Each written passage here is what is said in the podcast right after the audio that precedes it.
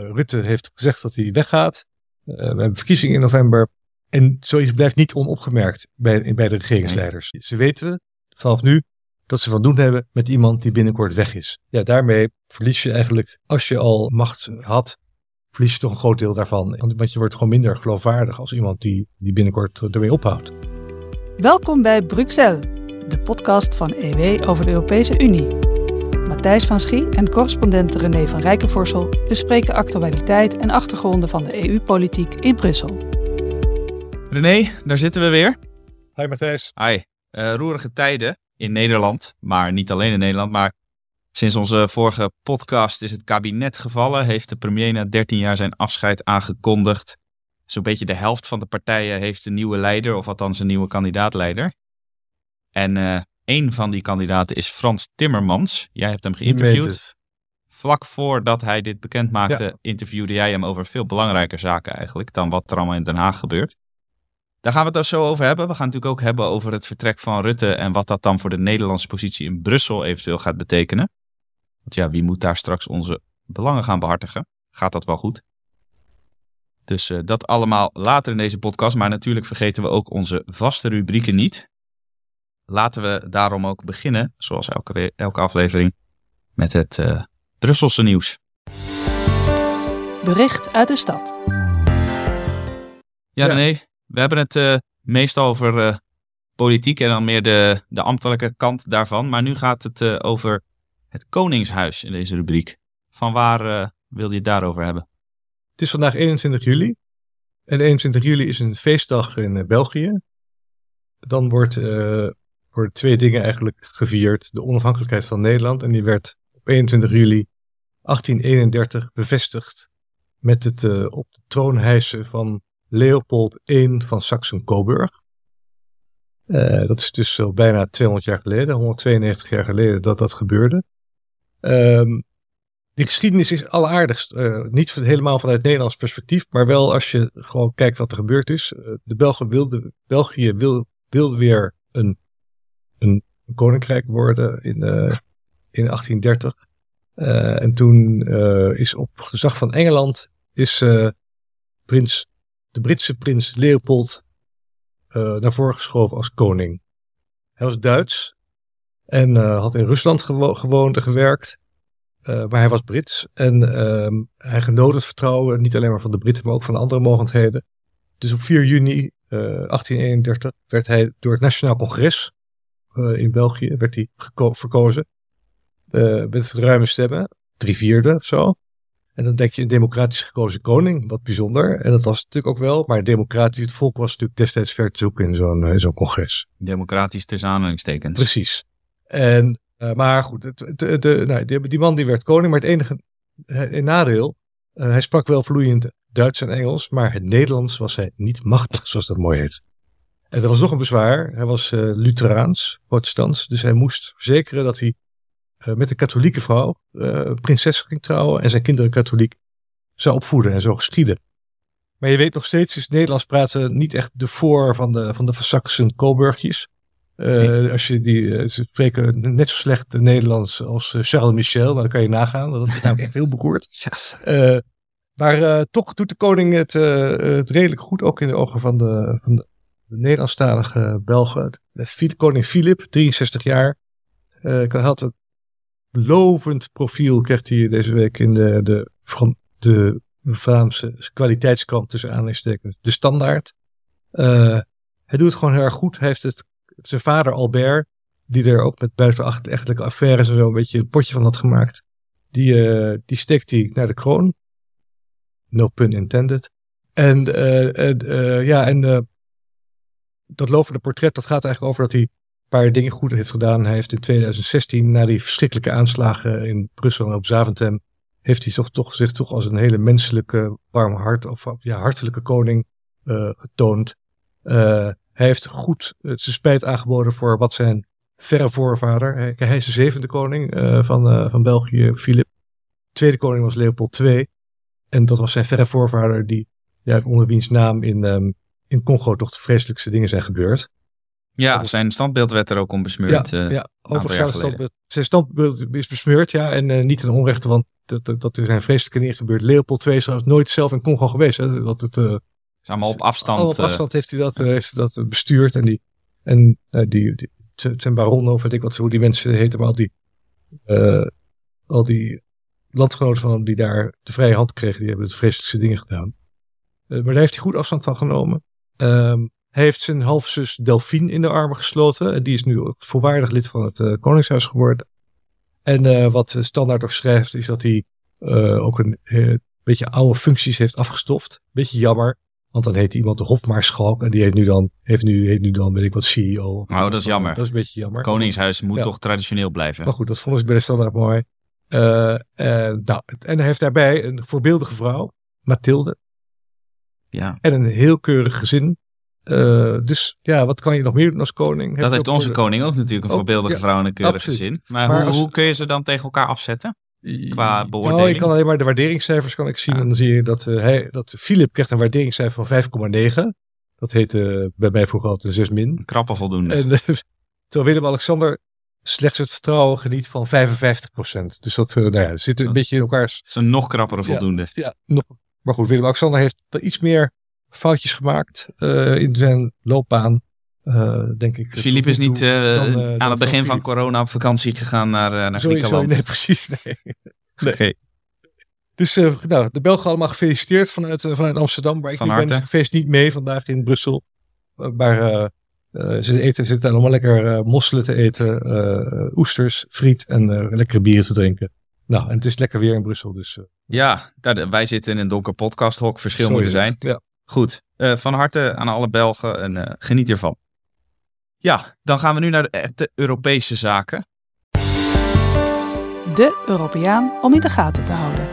Eh, de Europeaan om in de gaten te houden, dat is eh, deze week een Deense. René, waarom is deze eh, Deense eh, dame, mag ik vast verklappen, nou, ik deze eerst week even zo zeggen, belangrijk? ik had, eigenlijk had ik hier Frans Timmermans willen zeggen. Want toen ik podcast voor podcast voorbereidde eergisteren, eh, wist ik nog niet dat hij gisteren zijn, zou aankondigen dat hij zijn post vaarwel ging zeggen in Brussel.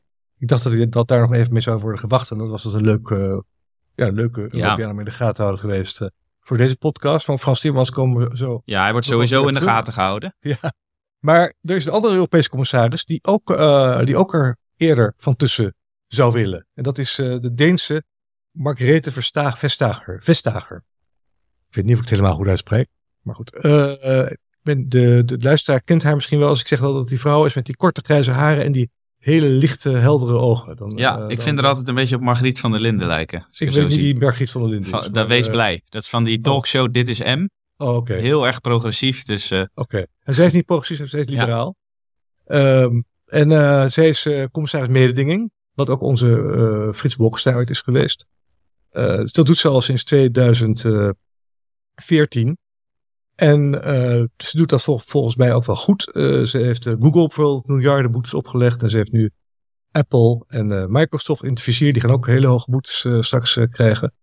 Eh, dus ja, die heeft een goede, goede reputatie in eh, Brussel. Maar zij, eh, zij heeft ook geen zin in een derde periode. Net zoals Frans Timmermans dat dus niet gaat doen, een derde Ja. periode. Want ze is naar voren geschoven door Denemarken om per 1 januari 2024 de baas te worden van de Europese investeringsbank in Luxemburg. Mooie is- baan, Ja, is wat voor soort instituut is dat, de Europese investeringsbank? Want eh, ik denk dat dat voor veel luisteraars niet geheel duidelijk is. Nee, ik zal je dat een beetje proberen uit te leggen. We komen dadelijk ook nog even op een, via een andere weg ook nog op de Europese investeringsbank terug. Maar eh, de, eh, de EIB, EIB, de Europese investeringsbank, die, is een, eh, die financiert eigenlijk cruciale investeringen in landen. En, dat, ehm, en dan op het gebied van infrastructuur, innovatie en milieu vaak. En, ook, en nu ook laatst zetten de klimaattransitie.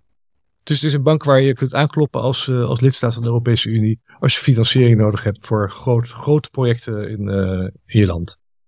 Dus het is best een belangrijke, best een belangrijke tent die eigenlijk steeds belangrijker zal worden. Gezien de, de investeringen die in alle Europese landen moeten worden gedaan uh, met de klimaattransitie. Ja, Dus met dank aan Frans Timmermans dan weer. Ja, dat is waar. Maar goed, even terug naar mevrouw Vestager. Die, nee, die stond dus, daar staat dus te popelen om naar, naar Luxemburg te gaan. Maar ze heeft een foutje begaan. Of foutje. Ze heeft iets gedaan wat in de ogen van uh, veel Europeanen niet, niet kan. Ze had namelijk, uh, ze heeft namelijk begin juli heeft ze aangekondigd dat haar topadviseur op dat mededingingsdossier, uh, dat dat Fiona Scott Morton ging worden. Een 56-jarige vrouw die aan Yale doseert. Die heeft gewerkt voor Amazon en Microsoft, het ministerie van Justitie in Amerika. Oei. Ze is een Amerikaans. De concurrent. Ze is een Amerikaans. En dat vinden een heleboel Europeanen, hoge Europeanen, niet kunnen. Dus vijf collega-commissarissen van Vestager, die hebben een brief op hoge poot geschreven. Nou, je kunt wel raden uit welke landen. Frankrijk, traditioneel geen vriend van Amerika. Uh, Italië, Luxemburg, enigszins verrassend misschien, Portugal en Spanje. Dus vier grote Zuid-Europese landen plus Luxemburg hebben, nou, drie grote Europese landen plus, Lux, plus Portugal en Luxemburg hebben uh, hardop protest aangetekend tegen de, deze benoeming door Vestager. Dus die wil die Amerikaanse door, eruit Het college van commissarissen heb je, er zitten 27 commissarissen in. En vijf daarvan, die hebben zeg maar openbaar, kenbaar gemaakt dat zij tegen deze benoeming zijn. Dat is toch niet heel collegiaal, maar, dat, maar zo collegiaal zijn ze überhaupt niet in de, bij de, uh, in de Europese Commissie. Als ze iemand een, een, eh, mes in de rug kunnen steken, ja, zullen ze dat niet laten. Ja, maar ook beetje, zijn natuurlijk allemaal, allemaal eh, komen ze uit ander, een ander land, dus hebben ze wat dat betreft een ander belang. En ze hebben allemaal andere partijen, nou ja, et cetera. Maar goed, uh, vijf tegen. Nou, je raadt het al, die Scott Morton, die dacht van, uh, doei, ik heb geen zin meer in die baan. Ja. En die heeft dus, heeft dus die eerder deze week gezegd, ja, ik, ik zie er vanaf. Ze had geen zin om openbaar op het hakblok te komen. Te Ze wachten de motie van wantrouwen niet af. Dat begrijp ik heel goed. maar die affaire, deze affaire is nu een smet op het blazoen van Vestager. En zij is, zoals ik al zei, liberaal. En de, de veel, veel ja, de Europese landen zijn wat minder economisch liberaal ingesteld. Dus die zullen misschien, of nou misschien wel zeker, alles hun best gaan doen om ook te voorkomen dat Vestager nu naar de, naar de, naar de EIB gaat, de Europese Investeringsbank gaat. Die hebben daar liever een Zuid-Europeaan. Ze hebben daar liever iemand die staatsgeleide ja. uh, economie gelooft. Dus nou, dat wordt nog wat de komende tijd. Dus wat dat, wat dat betreft daarom heb ik eigenlijk gezegd, uh, let op Vestager de komende weken. Om te kijken of ze die baan bij de Europese investeringsbank inderdaad gaat krijgen. Ja, gaan we opletten. Bruxelles, de hoofdmoot. En uh, waar we ook op gaan letten is uh, voor het hoofdonderwerp van deze podcast de Nederlandse positie in de Europese Unie. Want uh, die staat onder druk. Ja, en hoe? Ja, waarom? Ten eerste, Waarom staan, staat onze positie zo onder druk? Want dat is het hoofdpunt eigenlijk. Ja, van, nou, het, kijk, het, het, voornaamste is eigenlijk het vertrek van Mark Rutte. ja, Rutte heeft gezegd dat hij weggaat. we hebben verkiezingen in november. En zoiets blijft niet onopgemerkt bij, bij de regeringsleiders. Nee. Dat, dat men, ze weten vanaf nu dat ze van doen hebben met iemand die binnenkort weg is.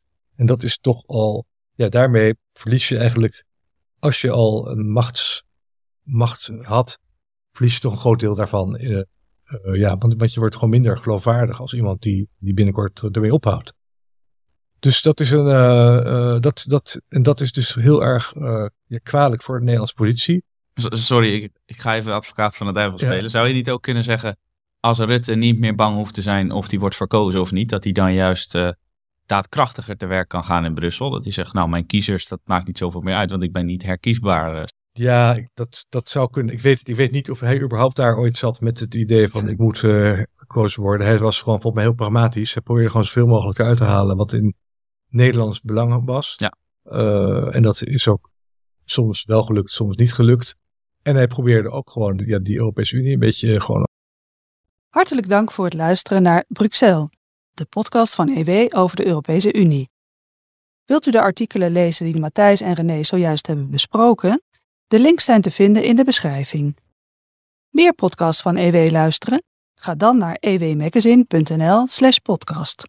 Vergeet ons ook niet te volgen. Vergeet ons ook niet te volgen op Facebook, Twitter en Instagram via het ewmagazine.nl. Heeft u interesse in een abonnement op EW? digitaal of ook op papier? Kijk dan op ewmagazine.nl slash abonneer. Graag tot de volgende keer. hoofdredacteur heeft, uh, onze hoofdredacteur heeft laatst nog een stuk geschreven over, uh, over Rutte in zijn, um, in zijn, als, ja, in zijn rol uh, in Europa. Waarvan hij volgens mij ook terecht zegt dat, dat Rutte daar het meest van genoot eigenlijk. Gewoon de afgelopen jaren. Wat hij daar gewoon aanzien had. Er werd niet als een kop gezeurd over wisselwasjes. Hij kon ja. gewoon zijn gang gaan. Werd niet tegengesproken. Vaak, vaak achter gesloten deuren. Dat is ook lekker, uh, lekker makkelijk. Je hoeft ook niet over alles verantwoording af te leggen. Ik, hoor, ik heb bijvoorbeeld een keer gehoord hoe hij dan te werk gaat. In, uh, als, dan, uh, de, als het dan allemaal zit te aarzelen en moeite te doen. Dan gaan Macron en Rutte. Die gaan dan rondjes lopen rond de grote, grote, grote tafel waar, iedereen, waar alle regeringsleden aan zitten. In tegengestelde richting. En dan gaan ze iedereen een beetje zitten. Joh, kom op, kom op. Natuurlijk schouders slaan en, en roepen van doe wat. En Echt zit ze een beetje gewoon een beetje te zieken.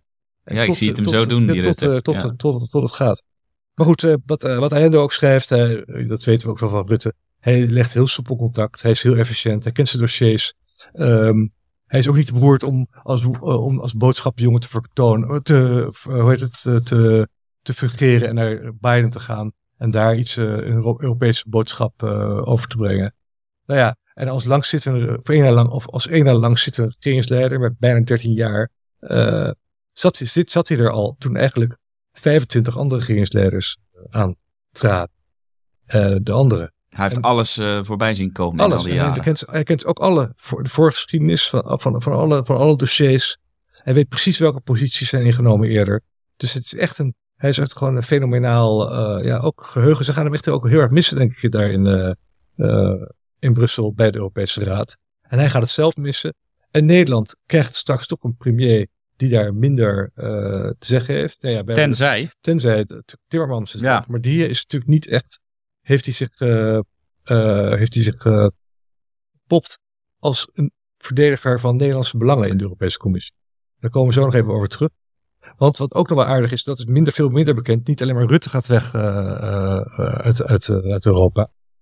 Maar ook onze permanente vertegenwoordiger bij de Europese Unie.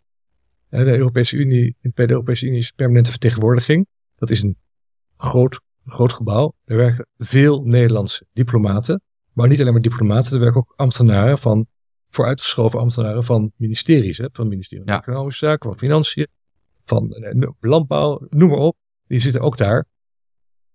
En dat, eigenlijk is dat, dat die, die permanente vertegenwoordiging ging, is een soort ministerie van algemene zaken in Brussel, zo kan je het ja. zien. En, de, en, de, en, zo'n, en, de, en de, de, de lopen wel drie, vier ambassadeurs rond. En de belangrijkste daarvan is de permanente vertegenwoordiger, zoals heet hij. Dat is Robert Groot, die is dat sinds 2017. Uh, een, eh, een econoom en een, uh, iemand die ook een, enorme goede reputatie heeft in Brussel. Ook daar gewoon tamelijk lang zit, vergeleken met zijn collega-ambassadeurs. En ook grote invloed he heeft. En ja, heel veel dingen, ook die in de Europese Raad komen, die worden eerst voorgekookt door de permanente vertegenwoordigers van de 27 EU-landen. Dus zo iemand heeft ook heel veel invloed op wat er allemaal ter tafel komt uh, uh, daar in die, in die Europese Raden. En dat, nou ja, hij gaat dus weg en hij gaat naar het EIB. Hey. Grappig genoeg. Maar hij wordt daar geen, hij wordt daar geen, geen hoe heet het, president van, maar nee. wordt soort, hij wordt vicepresident. Ik denk dat ze daarvan, ik heb het eerlijk gezegd niet opgezocht, maar ik denk dat ze meer vicepresidenten hebben. Maar uh, als econoom, met zijn bestuurlijke en politieke ervaring, ja, en zijn kennis van Europa, is hij gewoon een hele goede kandidaat om daar naartoe te gaan. Ja, dus maar hij kon geen president worden omdat je dan echt van een hogere statuur ja, moet zijn. Ja, ja, ja, maar dit is wel een mooie, mooie manier, want hij blijft dan wel betrokken bij Europa en dat wilde hij volgens mij ook wel. Uh, en maar hij, uh, maar hij, ja, en hij krijgt goed betaalde baan in, in, wel in het vrij saaie Luxemburg. Dat is wat minder. Maar goed, misschien dat hij ook niet elke dag naartoe hoeft. En dan kan vanuit Brussel is het wel. Het is wel aan te reizen, hè? Ja. ja. Nou, het is niet de allerleukste weg die er is, maar... Dus dat, die gaat ook weg. Dus daarmee heeft Nederland nog een, nog een soort machtige pion kwijt in, um, in, in Brussel. Nou, daarbij gaan we natuurlijk eh, Frans Timmermans, dat, dat, zoals we al bespraken, die gaat uh, dus naar Nederland terug. Ja, je hebt hem geïnterviewd ook nog, hè, ja, Frans Timmermans. ik heb een heel erg, uh, ja, een interview waarvoor, waarop ik ontzettend veel uh, hele goede reacties kreeg, heb ik gehouden met hem. Dat ligt uiteraard aan hem, want hij had, de, had de goede teksten. En ik had het idee, namelijk om hem te interviewen over geopolitiek. Dus ik ben we- ver weg gebleven van alle, van alle gevoelige onderwerpen. Alle Haagse Alle, beslommeringen H- ook. de, H, de HP van de A-dingen of wat de natuurherstelwet heb ik zelf, hebben we het zelfs niet over gehad. We- Puur heb ik hem, hebben, hebben we over geopolitiek eh, gesproken. Naar aanleiding van zijn HJ schoollezing van 2014. Toen, eh, die las ik eh, terug een jaar geleden. En toen zag ik dat hij daar allerlei dingen voorspelde. die de afgelopen anderhalf jaar zijn uitgekomen. Noem eens Dus een dat- paar voorbeelden. Nou, eh, gewoon de Poetins, Poetins landjepik, eh neiging tot landjepik. De, de te grote energieafhankelijkheid van, eh, van Europa. Nou, dat soort dingen, die Ja. staan, daar, daar waarschuwde hij al, want toen al voor in 2014. Nou, die, en ik heb nu dus zeven stellingen voorgelegd aan, aan Timmermans. En daar reageert hij uitgebreid op. Een erg leuk interview. En aan, In de het, show einde, notes. en aan het einde van, ja, en aan het einde van, van het interview zei ik tegen hem, weet je wat, je moet, je moet, weet je wat jij moet gaan doen? Je moet eh Jozef Borrell opvolgen, hoog buitenlandsvertegenwoordiger van de Europese Unie. Ja, dat is echt een mooie baan. Dat werd vroeger altijd een zwakke persoon gegeven. Maar nu is dat wel eventjes een ander chapiter. Nu moet je echt een sterker persoon hebben Ja. eh, in, deze, in deze tijden. Zouden ze daar in Brussel ook spijt van hebben dat ze dan die Borrell hebben gegeven vlak zo- voor de dat zou oorlog? zomaar kunnen. Ik weet dat, ja. Maar in elk geval, eh, toen zei hij, ze, ze, zeg, ze zeggen dat, dat, dat, ik terug, dat ik terug moet naar Den Haag. Maar dit was nog, eh, moet ik even wel erbij zeggen, voordat het kabinet viel. Hè. Dat was eh, Ja, een paar dagen ervoor dat ik hem interview. Dus dat, ze zeggen, nou toen lachte ik dat een beetje weg. Ze zeggen dat ik terug moet, dat doe je toch niet, weet je. Dat, en nu gaat hij dus wel terug. dat zeiden ook velen van tevoren. Hè? Van Frans Timmermans, die, die is veel te groot geworden voor Nederland. Ja. Dat gaat hij niet meer Ja. doen, want het is, hij is inderdaad, wat jij al uit- in het interview eh, uit hem kreeg, veel geïnter- meer geïnteresseerd in geopolitiek ja. dan in was landelijke mijn- Dat politiek. was mijn gevoel ook, Ja, Matthijs. En eh, ja, ik, dus ik moet je ook eerlijk zeggen dat ik me er een beetje over verbaasde dat hij zich nu echt kandidaat heeft gesteld als, eh, als lijsttrekker. Ik dacht dat hij misschien wel premierskandidaat zou willen worden. Weet je, als dan ja, de lijsttrekker van Groen, Links, PvdA. eh net zoals destijds Samson. Samson zei van als, ik, als jullie mij kiezen, of Wouter Bos, ik weet dat eerlijk gezegd niet meer. dan krijg je Cohen als premier. Ja, precies. Dus dat hij dan bij een eventuele nederlaag niet in de Tweede Kamer als Ja, oppositie precies, eh, precies. hoeft Maar te plaatsen. hij, nemen. hij zal, ja, ja. Dus nee, dat, dus, maar Frans Timmermans gaat ook weg. Dus we hebben, nou, de, maar de vraag wat er met gaat gebeuren, of er een nieuwe commissaris komt, of een andere commissaris zijn taken erbij, Timmermans taken erbij neemt. Want in feite is hij uitgeregeerd. De, eh, dus de Green Deal is eigenlijk gewoon voltooid. Ja, en zijn natuurherstelwet Op de natuurlijk. natuurherstelwet, na daar komen we ook zo nog even over. Ja, want we hadden het vorige week over. Ja. Dan moeten we wel even Ja. kijken hoe dat is Nee, daar komen we afgelopen. zeker op terug zo meteen, want dat heeft ook nog te maken met de Nederlandse positie in, eh, in Brussel. Eh, maar in elk geval, die, maar hij, voor hij, het is wel een goed moment voor hem eigenlijk om nu te zeggen, oké, het hoeft niet meer. Maar ik weet niet wat er, als Nederland nu gaat aandenken, ja, we willen wel een nieuwe commissaris, maar we hebben hier ook een regering die het misschien niet zo snel meer eens kan worden over iemand. Nou, je hoort wel fluisteren dat misschien Kaag wordt, een way out wordt geboden, nu al. Ja, Je hoort zelfs fluisteren dat Kaag wellicht de volgende buitenland eh, vertegenwoordiger gaat worden. Dus ja, dat is wel veel meer een functie die op haar lijf geschreven lijkt. Behalve dat zij natuurlijk wel heel erg. eh, ja, ze is minister van ontwikkelingssamenwerking, voor ontwikkelingssamenwerking en handel geweest. En heel eventjes voor buitenlandse zaken. Maar Dat Nee, ging toen ook niet zo goed met Afghanistan. precies, eh, ik weet het ja. niet. Ik weet niet.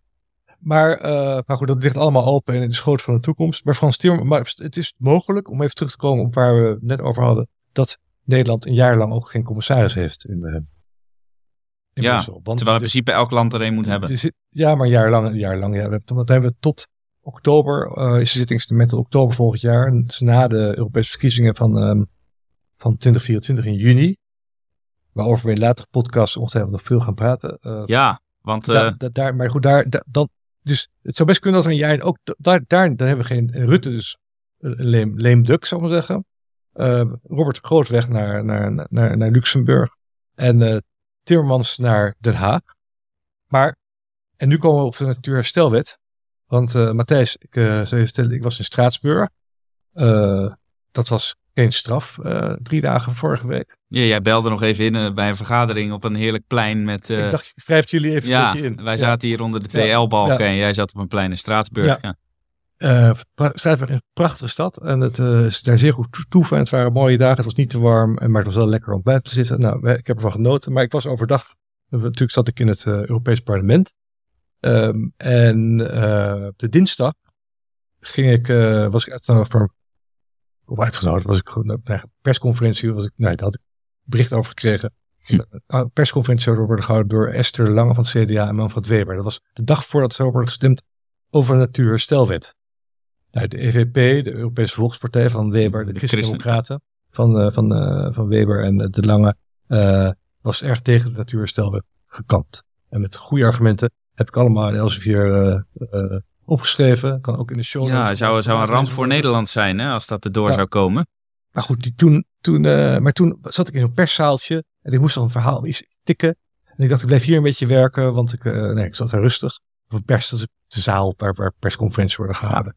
En ehm paar, paar, nou, een half uur later, ze waren nog niet weg, of toen schoven, kwamen, toen kwam de Renew kwam binnen. Dat is de liberale of linksliberale partij, waar ook VVD en D66 Ja. bij.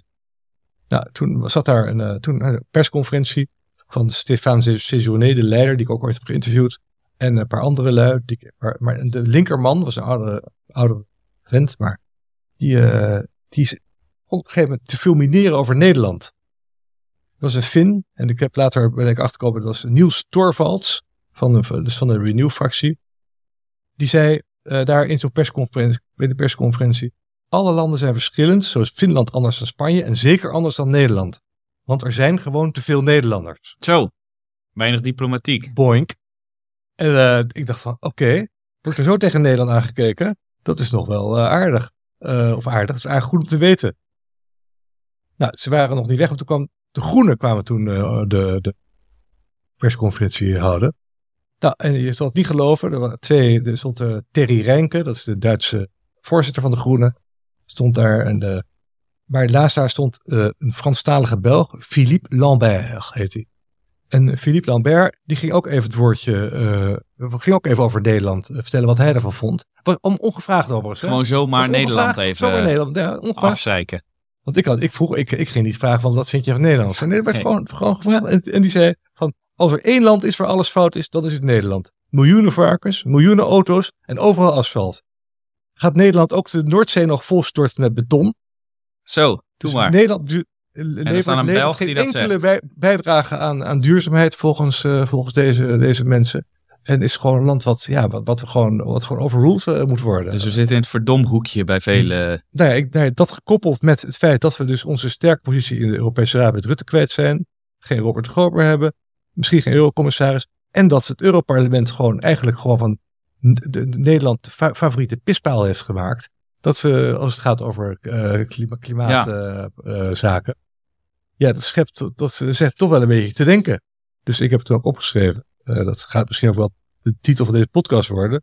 Van eh, Nederland, let op uw zaken in Brussel. Want Ja. eh, voor je het weet, eh, ja, word je gewoon alle kanten gepiepeld. Dus we hebben echt een eh, sterke Nederlander daar nodig die eens even flink voor onze belangen gaat opkomen. Ja. Zo, eh, Dat, eh, dat, ja, ja, ja, ik weet, ik weet. Dus, maar goed, de natuurherstelwet is natuurlijk ook aangenomen uiteindelijk. ja, Eh, die is wel in een afgezwakte versie aangenomen. Met dank eh, aan, eh, aan de Christen-Democraten en ook aan de ECR, of de Europese, of de, de Partij van Conservatieven en Hervormers. En daar, nou dus bepaalde de scherpste randjes zijn er af. maar Maar, nog steeds was het heel slecht nieuws voor Nederland, schreef jij eh, in je nou commentaar. ja, nog steeds is het slecht nieuws voor Nederland. Dit, sowieso is het slecht nieuws voor Nederland. Want de rechter kan altijd nog weer beslissen dat het, eh, dat, dat het strenger moet, of dat, eh, of dat anders moet. En de Nederlandse rechter is gewoon erg geneigd om, om Euro- Europa, Euro- Europa's wensen bovenaan te plaatsen. Bo- en boven de Nederlandse, bovengeschikt aan de Nederlandse te, te maken. Maar er is nog één addertje onder het gras. Nederland is namelijk ook al, daar was ook Nederland de, de, de, de pineut. Eh, de Europese Raad, de ministers van de Europese Raad, de minister van Landbouw, hebben eh, ook op een goed moment de, een tekst, natuurherstelwet tekst, aangenomen. Met gekwalificeerde meerderheid. Twee derde betekent. Waar Nederland niet bij zat. Nederland was erg tegen die wet. Christian van der Wal die wilde niet die tekst, dat die tekst, aan, tekst aangenomen.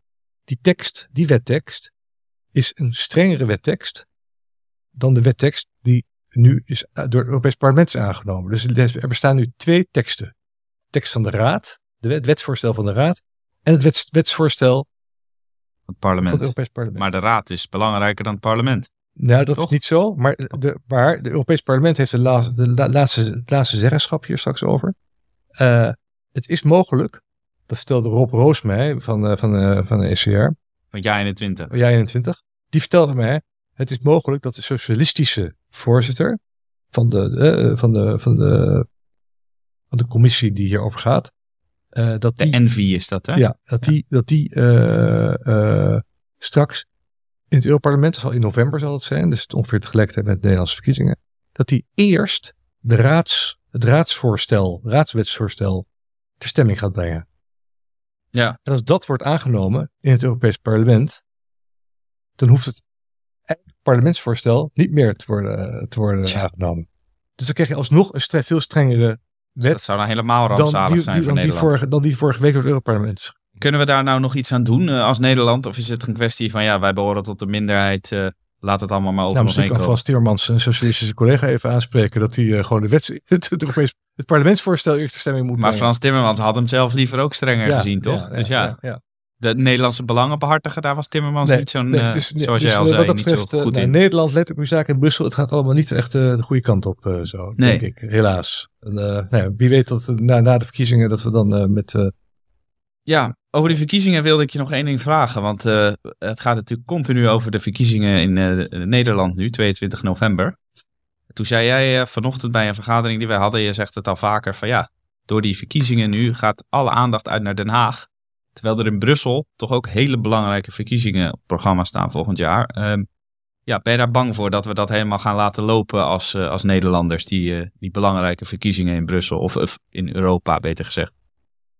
nou, het staat buiten kijf dat de Europese verkiezingen in juni 2024 veel minder aandacht zullen krijgen eh, dan, de, dan de parlementaire verkiezingen hier in Nederland. Ja. En, en, maar, en als er, als er, ik denk ook dat als er geen parlementaire verkiezingen in Nederland zouden zijn geweest, voor de Europese verkiezingen, dan zouden de Europese verkiezingen zou dan de eerste grote graadmeter zijn geweest na de eh, BBB-overwinning van, eh, van afgelopen maart. Ja. Dan hadden we echt kunnen kijken waar, waar, waar, waar, waar, staan we waar, eh, en, nou ja, en wat zijn de verhoudingen in Nederland na nu alles een beetje tot rust is gekomen. Maar dat is nu niet meer het geval. Nu wordt de verkiezingen van de Europese verkiezingen zullen niet meer als graadmeter worden gezien, want we hebben de grote graadmeter al in, al in november aanstaande. Dus ik ben toch wel bang dat de Europese verkiezingen een beetje een soort toetje worden waar je niet meer op zit te wachten omdat je buik al vol is, eerlijk gezegd. Tja. Eh, en dat het ook dus gevolgen hebben voor de opkomst. Eh, en dat dat, ja, en dat, en dat, ik vind dat zonde. Maar goed, dat zou ook mijn bias kunnen zijn, omdat ik gewoon in Brussel zit. Dat ik denk dat in Brussel de belangrijke besluiten worden gemaakt, genomen, belangrijker dan die in Nederland eh, worden maar, en daar, maar daarvan uitgaan is het natuurlijk zonde als er niet, eh, niet wordt gestemd, Ja. voor minder dat- wordt gestemd dat- voor de verkiezingen. En als die ondergesneeuwd raakt onder nieuws over de reformatie. En, dat gaan we ook allemaal nog krijgen.